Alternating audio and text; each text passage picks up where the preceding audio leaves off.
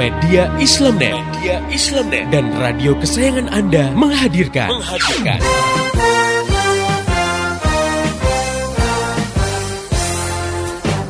Voice of Islam. Voice of Islam. Voice of Islam.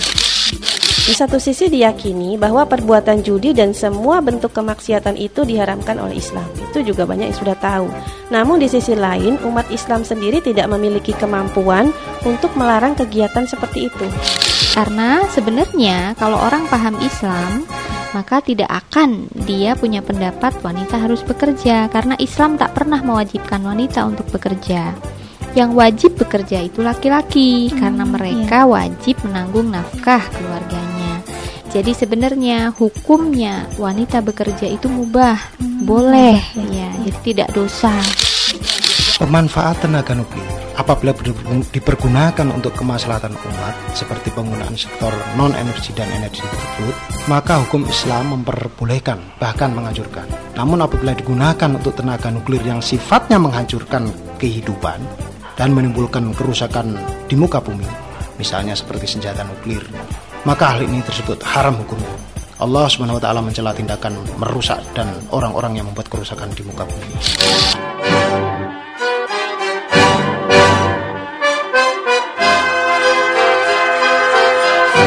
Voice of Islam. Voice of Islam. Voice of Islam.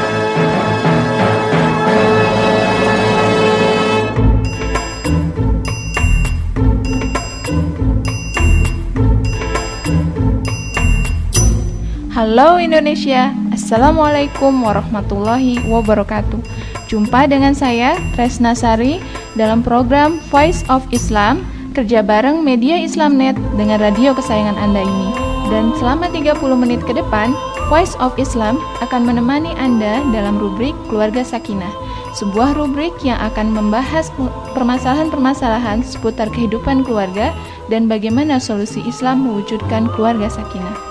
Pendengar yang budiman, yang jelas saya nggak sendiri. Hadir untuk mengasuh rubrik ini, Ustazah Insinyur Ratu Erma Rahmayanti. Beliau adalah pengasuh Forum Mar'ah Solihah, Pusat Pengembangan Islam Bogor. Baik, kita sapa dulu beliau.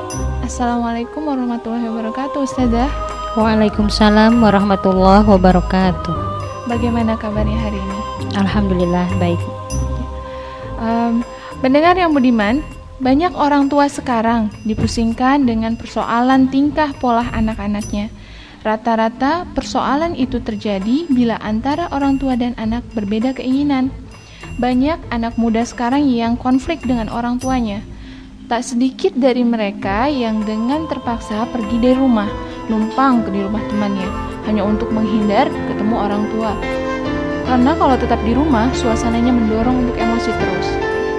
Nah, apa sih sebenarnya yang terjadi pada kasus perang dingin antara anak dan orang tua ini? Siapa dalam hal ini yang harus dipersalahkan? Ada nggak ya pihak yang menang dan pihak yang harus kalah? Wah, kayak perang beneran aja nih. Oke pendengar, kita akan ngebahas segudang pertanyaan ini setelah lagu yang berikut ini. Stay tuned on Voice of Islam. Di tengah malam yang sunyi, ku rendahkan hati demi kebenaran hakiki ku buka lembaran suci kalam ilahi sebagai lentera hati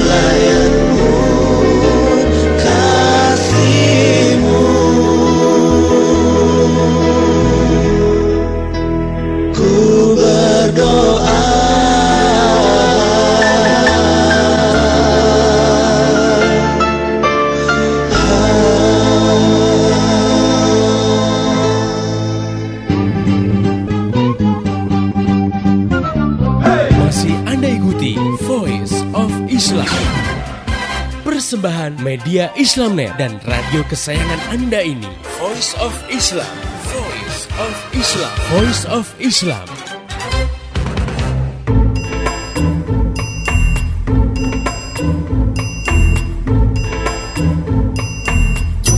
Masih di Voice of Islam, kerja bareng media Islamnet dengan radio kesayangan Anda ini. Pendengar yang budiman, saat ini kita berada dalam rubrik Keluarga Sakinah bersama saya, Kresna Sari dan Ustazah Insinyur Ratu Erma Rahmayanti, pembina Forum Mar'ah Solehah Pusat Pengembangan Islam Bogor. Dan kali ini kita ngebahas topik mendidik anak taat syariah. Baik, langsung saja kita bincang-bincang dengan Ustazah Ratu Erma Rahmayanti. Ustazah, menjadi orang tua pada zaman globalisasi saat ini nampaknya nggak mudah. Apalagi jika orang tua mengharapkan Baik, anaknya nggak sekedar jadi anak yang pintar, tetapi juga taat dan soleh. Bagaimana Ustazah menanggapi hal ini? Sebenarnya tugas orang tua yang telah digariskan Islam dalam mendidik anak tidak ada yang berubah. ya. Orang tua dituntut untuk mendidik anak agar taat pada penciptanya, taat pada orang tuanya, dan menja- menjadi anak yang bermanfaat bagi kehidupannya.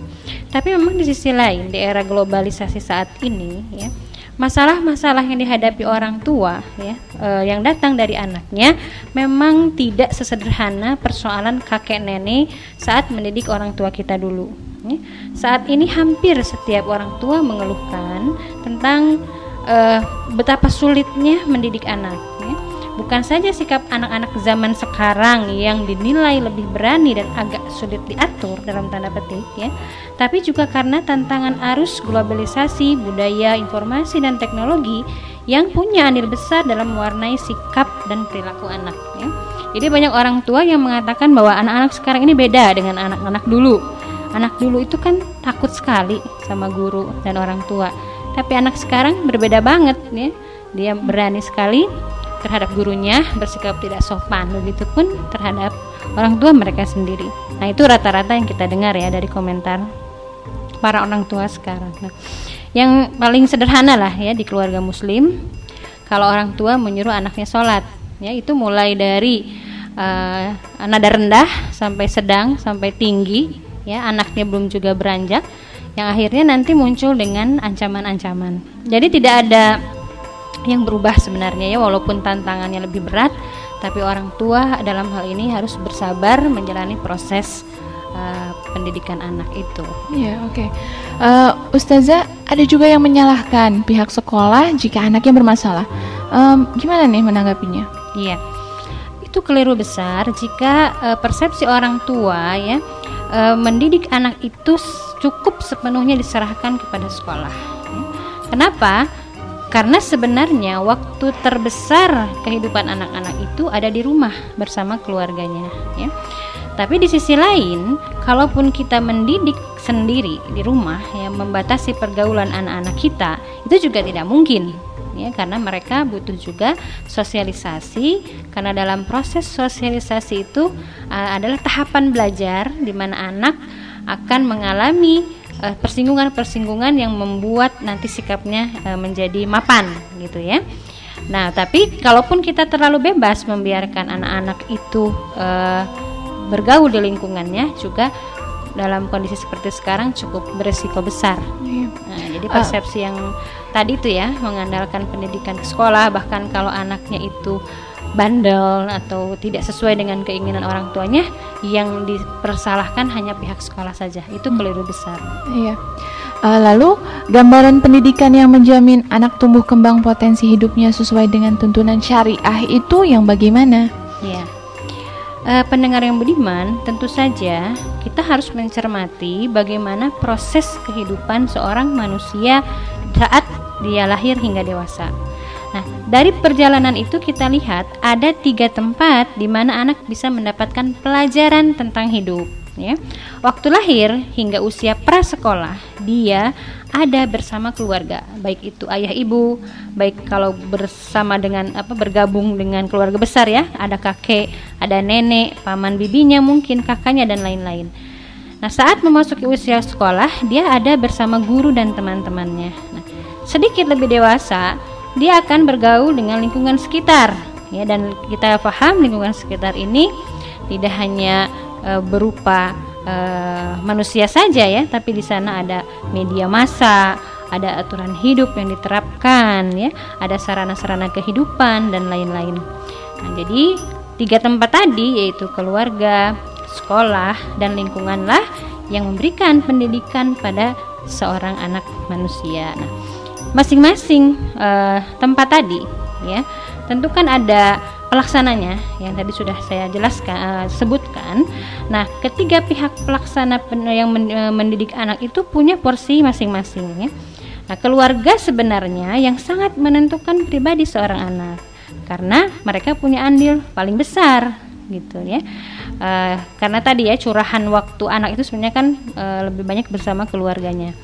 Nah, kalau ini ya eh, apa t- terjadi sinergi antara keluarga, sekolah dan lingkungan yang kondusif terhadap tumbuh kembang anak yang sesuai dengan arahan Islam, tentu saja itu dapat menjamin keberhasilan pendidikan anak.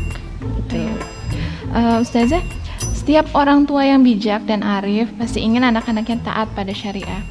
Nah, eh, metode yang digunakan itu seperti apa? Bagaimana Iya, caranya? betul, ya. Eh, sebagai orang eh, orang tua dalam keluarga muslim yang bertujuan untuk membentuk kesakinahan mawadah eh, warahmah dalam mendidik anak tentu harus eh, melihat kepada hukum-hukum yang telah ditetapkan ya. Eh, sebenarnya tidak tidak jauh eh, gambaran kita dalam mendidik anak itu kan gambaran kita mendidik seorang manusia gitu ya yang manusia itu ada potensi akalnya potensi naluri dan, dan ada juga kebutuhan-kebutuhan fisik nah ketiga hal itu eh, berproses ya dipenuhi oleh orang tua dan juga eh, ber- apa terjadi include pendidikan di sana ya. sehingga eh, hal-hal yang harus dilakukan itu pertama kita harus mengasah ya cara berpikir atau atau akal ya anak kita eh, dengan berpikir yang benar. Nah, un- supaya anak ini memiliki pemikiran yang benar, maka yang harus dilakukan oleh orang tua adalah memberikan informasi yang benar sejak dini. Ya. Dan itu informasi yang benar sudah pasti berdasarkan ajaran Islam. Ya. Nah, ini meliputi tentang bagaimana dia mengimani uh, kehidupan siapa yang menciptakan kehidupan ya kenapa kehidupan ini ada kenapa dia ada dan seterusnya kemudian uh, sedikit-sedikit di- dijelaskan keberadaan dia ya seiring dengan uh, penalarannya itu mem- memiliki tugas seperti apa dalam hidup kemudian ketika harus begini bagaimana menjalankannya dan seterusnya nah ini uh, dari kecil penting dilakukan untuk merangsang anak supaya menggunakan akalnya untuk berpikir dengan benar nah memang ya dalam proses ini yang dituntut dari orang tua adalah sabar ya dan tentunya istiqomah.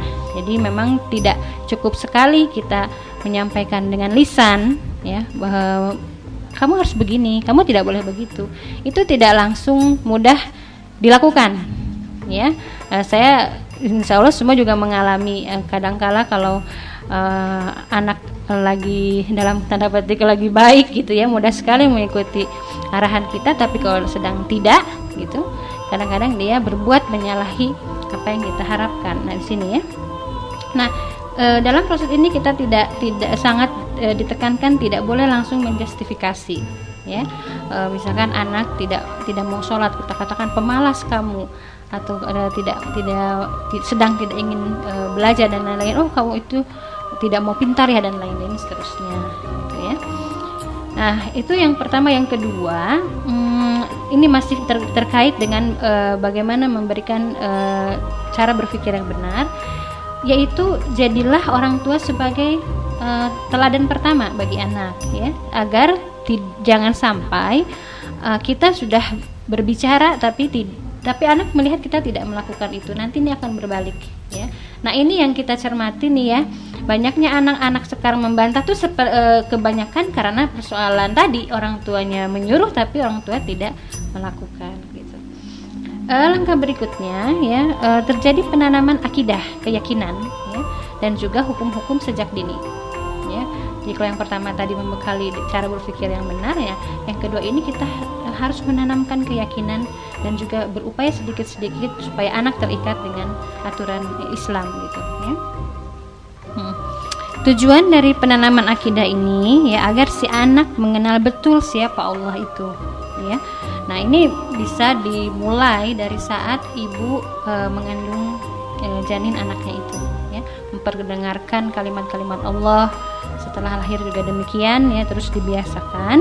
Kemudian nanti menginjak berikutnya kita perkenalkan ya e, huruf-huruf Al-Qur'an, kemudian kita kenalkan pada ciptaan-ciptaan Allah yang ada di alam semesta ini sehingga anak begitu lekat dengan kalimah Allah ya dan sedikit-sedikit kita tanamkan bahwa kalimah tauhid bahwa tidak ada eh, pencipta alam semesta dan segala isinya selain Allah eh, Subhanahu wa taala.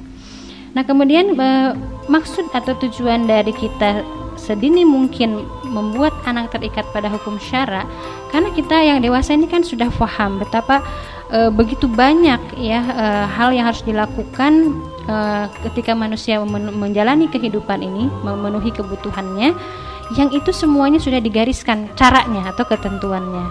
Nah, sedikit-sedikit saat proses tumbuh kembang anak itu berjalan, maka kita harus tahu pada tahap ini apa saja, apa dulu nih hukum-hukum yang yang harus oleh anak bisa dijalankan pada usianya. Ya, nanti seiring pertumbuhan, ya perkembangan berpikir kita akan tambah, tambah dan uh, terus meningkat gitu. Nah, eh, pembiasaan eh, terikat hukum Islam ini sangat sekali bermanfaat supaya nanti ya saat mereka balik usia balik eh, mereka sudah terbiasa eh, merujuk segala sesuatu eh, dalam penyelesaian hidupnya itu kepada hukum-hukum Islam begitu. Kedua, menanamkan akidah dan syariah sejak dini. Ini merupakan tugas pokok orang tua. Ya. Jadi eh, orang tua lah yang sangat mempengaruhi tumbuh dan kembangnya sendi-sendi agama dalam diri anak. ya. Sebagaimana sabda Rasulullah SAW, setiap anak dilahirkan dalam keadaan fitrah. Ibu bapaknya lah yang menjadikan dia Yahudi, Nasrani atau Majusi. Ini hadis riwayat Al Bukhari. Nah, tujuan dari penanaman akidah pada anak agar si anak mengenal betul siapa Allah. Ya.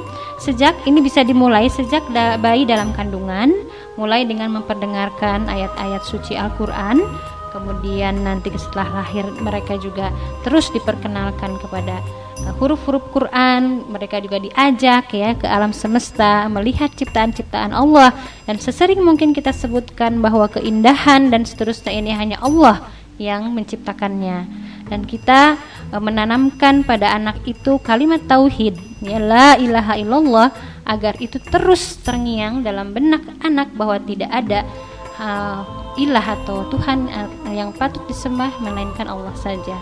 Nah, itu tujuan dari penanaman akidah. Lalu bagaimana uh, tujuan dari uh, penanaman kebiasaan ya anak terikat dengan hukum syara? Itu agar anak nanti ketika dewasa dia sudah terbiasa terikat dengan hukum-hukum Islam. Karena kita tahu ya bahwa perjalanan hidup manusia ini kan melewati banyak persoalan da- dalam rangka memenuhi kebutuhan-kebutuhan hidupnya. Terlebih saat ini ya di era globalisasi banyak sekali peristiwa-peristiwa yang ter- eh, tidak terjadi pada masa-masa yang lalu dan memang tantangannya lebih berat nah kita siapkan anak untuk bisa mengarungi itu tanpa keluar dari frame Islam ya dia tidak terombang-ambing terbawa arus ke arah yang jauh dari hukum-hukum Islam gitu ya. Nah, e, dari kecil kita sudah membiasakan dia untuk men, e, melakukan perila, e, akhlak atau perilaku yang sesuai. Seperti misalkan terhadap akhlak terhadap orang tua, sopan santun, e, jujur ya. Kemudian e, juga terkait dengan yang lain kalau bergaul dia harus e, bersahaja, tidak sombong dan lain-lain ya. Nah, dan kita harus tanamkan kepada dia bahwa melakukan perbuatan baik tadi tidak dalam rangka mendapatkan pujian dari orang lain bahwa anak si Anu ini anak yang baik loh gitu ya. Bukan, karena harusnya anak itu dikatakan kita melakukan ini karena mengharap ridho Allah. Dari situ juga terjadi proses penanaman uh, akidah. Uh, untuk uh, melakukan proses ini pekerja sama yang baik antara ayah dan ibu atau suami istri itu sangat besar. Karena kalau misalkan ayah ya memerintahkan sesuatu, anaknya tidak melakukan, ibunya membela. Nah, ini nanti akan terjadi dalam diri anak itu e, merasa terlindungi untuk melakukan hal yang saat itu e, dia tidak dia tidak suka gitu ya dan dia akan e, berlindung e, kepada ibunya. Jadi tentu keberhasilan e, mendidik anak ini tergantung kepada bagaimana uh, kerjasama yang uh, sinergi antara uh, ayah dan ibu gitu ya um, Ustazah tadi sudah dijelaskan dua hal yang harus diperhatikan dalam mendidik anak taat syariah lalu apa yang ketiga yang harus diperhatikan ini tidak tidak kalah penting uh, untuk saat ini bahkan mungkin uh, pengaruhnya lebih besar yaitu peranan lingkungan uh, terhadap anak ya juga uh, peran keluarga dan masyarakat dalam mendidik anak. Pendidikan yang diberikan oleh orang tua kepada anak ya tidaklah cukup e, kalau hanya untuk menghantarkan anak menjadi manusia yang berkepribadian Islam ya. Anak juga butuh sosialisasi ya bergaul dengan lingkungan di mana dia berada ya baik di sekitar rumah maupun di e, sekolah dan masyarakat yang lebih luas. Nah, pada sisi ini, lingkungan dan masyarakat memiliki peran penting juga dalam pendidikan anak. Ya. Masyarakat yang me menganut nilai-nilai, aturan dan pemikiran Islam yang juga eh, sama dianut oleh keluarga Muslim akan mampu menghantarkan si anak menjadi seorang Muslim sejati. Nah, gambarannya kan begini: ketika anak sudah uh, dididik secara Islam di rumah, taat, tapi kemudian di luar rumah, di lingkungan uh, di mana anak tinggal tidak me memberlakukan nilai-nilai Islam, maka ini kan terjadi uh, kontraproduktif ya. Uh, istilahnya kasarnya uh, orang tua sudah capek-capek gitu ya mendidik anak agar uh, sesuai dengan Islam tapi kemudian dirusak oleh nilai-nilai uh, yang ada di lingkungan sehingga nilai-nilai uh, yang diterapkan di masyarakat ini harus menjadi poin penting perhatian bagi mereka yang e, bertanggung jawab terhadap pendidikan anak karena tidak bisa dipungkiri bahwa pengaruh lingkungan sangat besar ya e, terhadap tumbuh kembang anak. Nah, e, kita sendiri melihat bahwa potret masyarakat sekarang itu didominasi pemikiran yang bukan Islam. Ya, e, seperti nilai nilai materialis, segala sesuatu diukur dengan uang, ya. Kemudian nilai sekuler, ya penyelesaian persoalan kehidupan, mensikapi sesuatu jangan bawa-bawa agama ya. Jadi jauh dari nilai Islam gitu ya. Kemudian eh, nilai-nilai yang serba bebas mutlak, permisif ya. Kemudian nilai-nilai yang uh, tidak lagi memperhatikan kepentingan orang lain ya. Nilai-nilai kebebasan dan seterusnya. Ini yang yang saat ini menjadi tantangan yang yang sangat besar ya terhadap tumbuh kembang anak. Nah, Tentu saja eh, kondisi-kondisi tadi ya, materialis, sekuler dan lain-lain itu akan menjadikan si anak hidup dalam sebuah lingkungan yang membuat dirinya berada dalam posisi dilematis. Jadi tadi ya, di rumah dia mendapatkan nilai-nilai Islam, tapi di luar dia ber, ber apa, berinteraksi dengan nilai-nilai yang bertentangan dengan Islam. Nah ini uh, tentu saja tidak tidak boleh kita biarkan. Oleh karena itu harus ada upaya bagaimana menciptakan masyarakat yang juga menganut nilai-nilai yang sama, sebagaimana keluarga Muslim itu uh, menjalankan nilai-nilai tersebut. Nah, jadi nah, nanti nih ya tarik menarik pengaruh lingkungan dan keluarga uh, pastikan akan mempengaruhi sosok pribadi anak. Nah, jadi untuk mengatasi persoalan ini harus dilakukan perubahan ya. Dan perubahan ini skala sistem tentunya ya. Dan ini mutlak harus dilakukan uh, dengan memperlakukan uh, memperlakukan nilai-nilai Islam ya. Jadi de- hanya dengan itulah akan muncul generasi Islam yang taat syariah gitu. Ya, uh, subhanallah sekali ya, tiga poin yang sangat jelas tentang bagaimana mendidik anak taat syariah. Um, bisakah Ustazah juga memberikan tips bagaimana mendidik anak taat syariah? Ya. Uh, saya kira uh, akan saya uh, ramu ya dari penjelasan tadi. Jadi di sini ada 9 poin yang bisa kita jadikan acuan untuk mendidik anak agar taat syariah. Yang pertama, kita tumbuhkan kecintaan pada, uh, pada Allah. Itu yang yang pertama. Yang kedua, kita harus mengajak anak untuk mengidolakan Rasulullah, ya, bukan mengidolakan yang lain.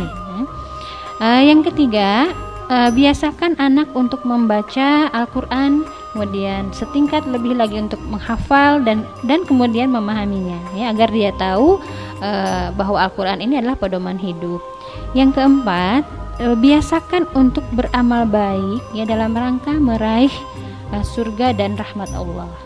Yang kelima, kita harus menyiapkan penghargaan terhadap anak uh, yang sudah menjalankan uh, perintah dan juga kita berikan semacam sanksi untuk mereka yang tidak melakukannya, gitu. ya. Nah, yang keenam, sebenarnya yang menjadi contoh itu adalah orang tua. Jadi jadilah orang tua sebagai uh, sosok teladan bagi anak, ya. Kemudian yang berikutnya uh, ajarkan anak secara bertahap tentang hukum-hukum syara sebelum mereka balik karena kalau sudah balik kan sudah tinggal jalan gitu ya sudah harus menjalankan uh, ketentuan-ketentuan sebagaimana orang dewasa kemudian yang kedelapan kita harus meramaikan rumah kita ya atau uh, tempat di lingkungan kita dengan kajian-kajian Islam di mana nanti kita akan libatkan juga anak supaya berperan aktif dalam kegiatan tersebut. Yang berikutnya terakhir, ajarkan anak e, bertanggung jawab terhadap kewajiban-kewajiban, baik itu untuk dirinya, keluarga dan lingkungannya, juga untuk umat Islam. Nah, sembilan tips ini, insya Allah kalau dijalankan secara e, istiqomah dan serius serta sungguh-sungguh, maka e, anak taat syariah akan terwujud. Amin. Amin ya rabbal alamin. Ya, uh, oke pendengar yang budiman, itu tadi bincang-bincang kita dengan Ustazah Insinyur Ratu Erma Rahmayanti tentang mendidik anak taat syariah.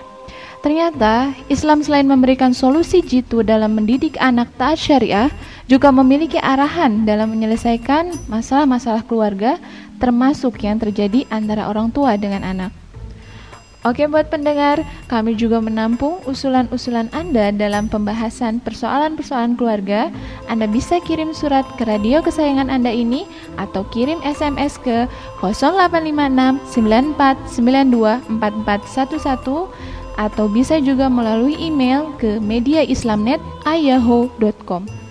Saya Tresna Sari dan seluruh kerabat kerja yang bertugas mengucapkan terima kasih kepada Ustazah Insinyur Ratu Erma Rahmayanti atas penjelasannya. Ya, eh, baik sama-sama. Terima kasih juga buat pendengar yang telah setia mengikuti acara ini. Pesan saya, sampaikan apa yang Anda peroleh dari acara ini kepada yang lain agar rahmat Islam ini bisa segera tersebar luas, termasuk di kota Anda yang tercinta ini. Dan esok hari, insya Allah, Voice of Islam akan kembali hadir di waktu dan gelombang yang sama. Mari menimbang masalah dengan syariah. Assalamualaikum warahmatullahi wabarakatuh. Demikian tadi Voice of Islam. Voice of Islam. Semoga hikmah yang terkandung bermanfaat untuk kita semua. Amin amin amin ya robbal alamin. Kembali bisa Anda dengarkan Voice of Islam. Voice of Islam menghadirkan topik-topik seputar kehidupan kita esok hari di waktu dan gelombang yang sama.